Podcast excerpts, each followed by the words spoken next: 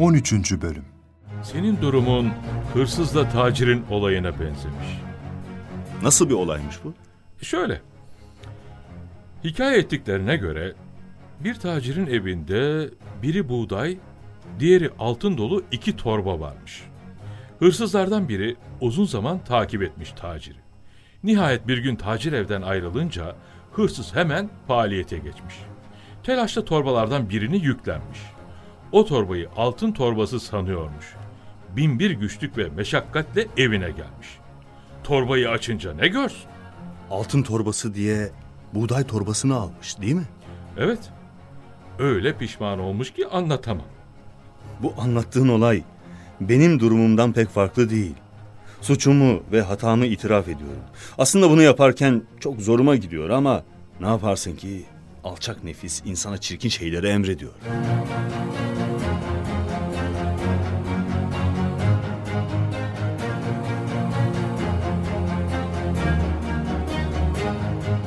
Tüccar anlayışlı, merhametli, olgun bir insanmış. Ortağını bağışlamış. Ortağı da çok pişman olmuş ve bir daha yapmamak üzere günahına tövbe etmiş. Biz gelelim kitaba. Bu kitabı okuyan sadece resimlerine bakmamalı. Aksine baştan sona kadar temsil ve hikayelere dikkat etmeli. Her kelime ve misal üzerinde kafa yormalı. Yani şu üç kardeş gibi olmalıdır.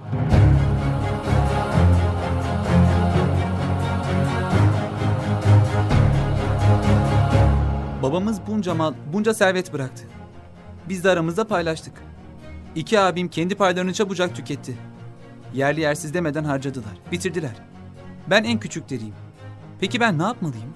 Mal ancak iyi halin devamı, rahat geçim, insanların gözünde şeref kazanmak, muhtaç olmamak, akrabayı gözetmek, çoluk çocuğu doyurmak ve dostlara ikram etmek için talep edilir.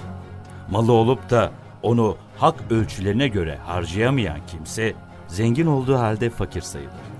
Malına sahip olan kimse ise iki şeyi elinden kaçırmaz. Devamlı zenginlikle başkalarının teşekkürlerini ve övgülerini. Doğru olan malı saçıp savurmamaktır. O zaman ben malıma sahip olmalıyım. Dikkatli ve yerinde harcamalıyım. Bir kısmıyla ticaret yapıp kazanma yollarını bulmalıyım. Galiba abilerim de artık ben düşünmeliyim. Kazancımı abilerimle bölüşmeliyim. Onların şerefi benim de şerefimdir. Yani sözün özeti bu kitabı okuyan bıkmadan usanmadan sürekli düşünmeli. Mana cevherlerini bulmaya çalışmalıdır. Yoksa maksadın iki hayvanın kurnazlığını haber vermek, bir aslanla bir öküzün konuşmalarını nakletmek olduğunu zannedip de asıl gaye ve hedeften uzak kalmamalıdır. Böylesi meşhur balık avcısına benzer.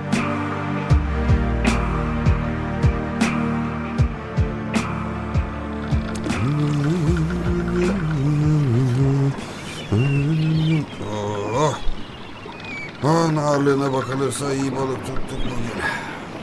Allah. Çekelim bakalım ha tekneye kısmetimize ne çıkacak. Ama o da ne? Ha? Gözlerime inanamıyorum. Suyun dibinde harika bir sedef görünüyor.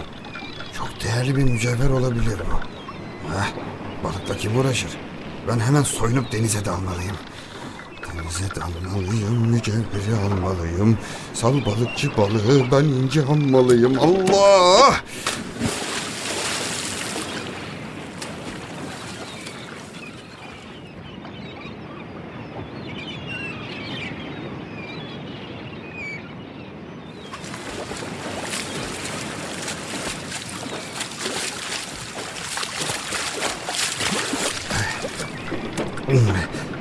Dur bakalım neymiş.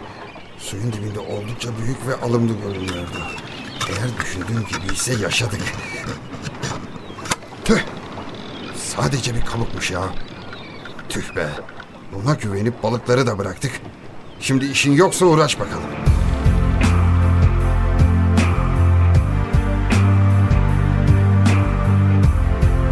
Bir tamah yüzünden kavuştuğu nimeti bırakan balıkçı, denizin dibinden boş çıkınca çok üzüldü. Pişman oldu. İkinci gün bir başka yerde balık tutuyordu. Bah, yine bir sedef. Ama artık ders aldım sayılır.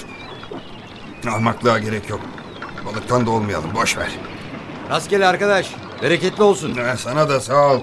Bir şeyler var mı bari? Eh, elhamdülillah. Nasipten ziyadesi olmazmış. Ana şuraya bak. Denizin dibinde harika bir sedef görünüyor. Ben öyle şeylerle ilgilenmiyorum kardeş. Ben bu kısmeti kaçıramam arkadaş. Dalıp çıkaracağım kusura bakma. Sen bilirsin. Yarar da zarar da senin.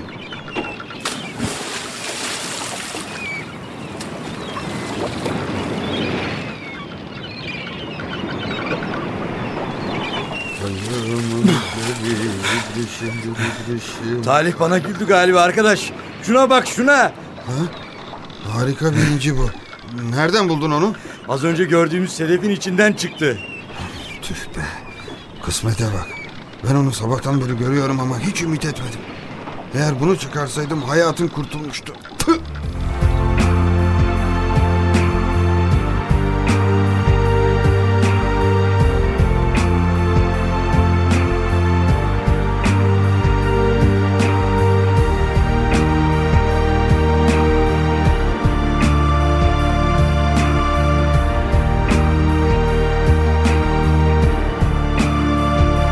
İkinci balıkçı bu inci ile servetlere kavuştu.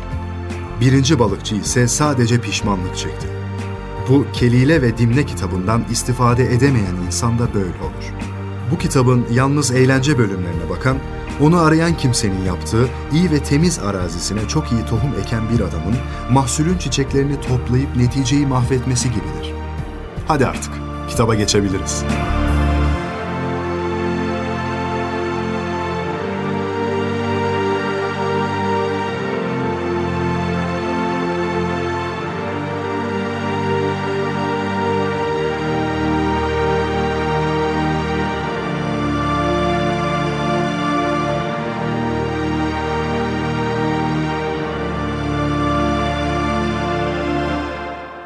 Birinci Bölüm Arslanla Öküz Kral Depşelim, filozof Beydeba'ya dedi ki, İki kişi düşün.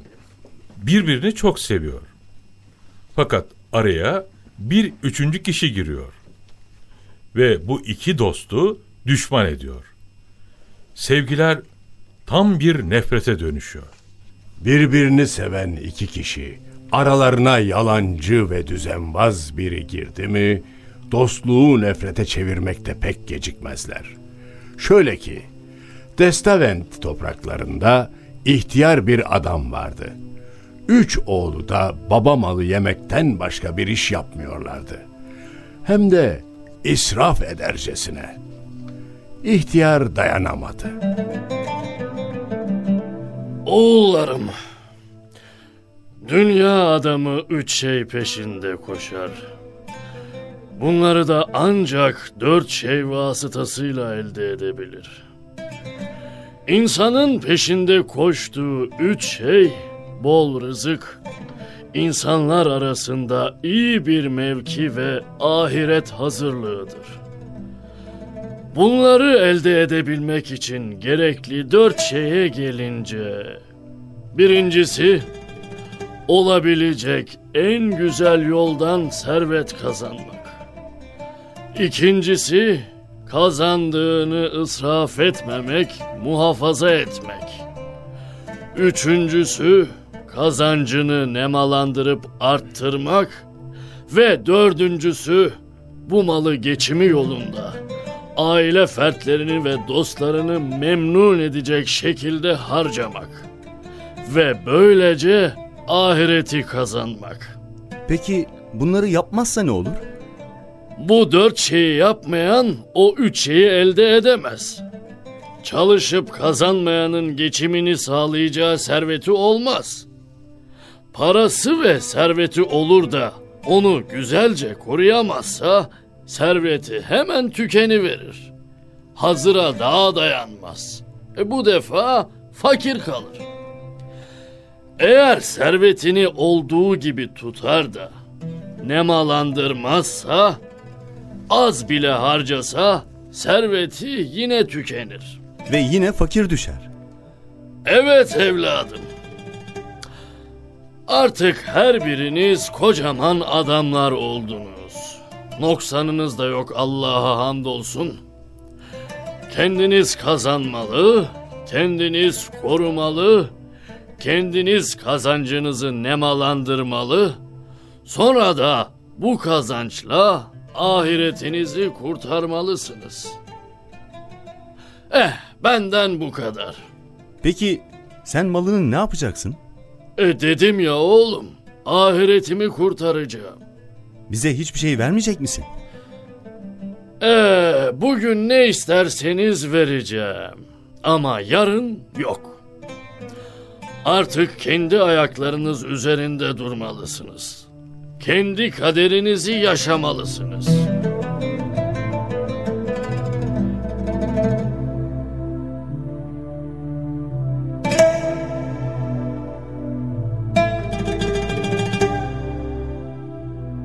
On üçüncü sonu.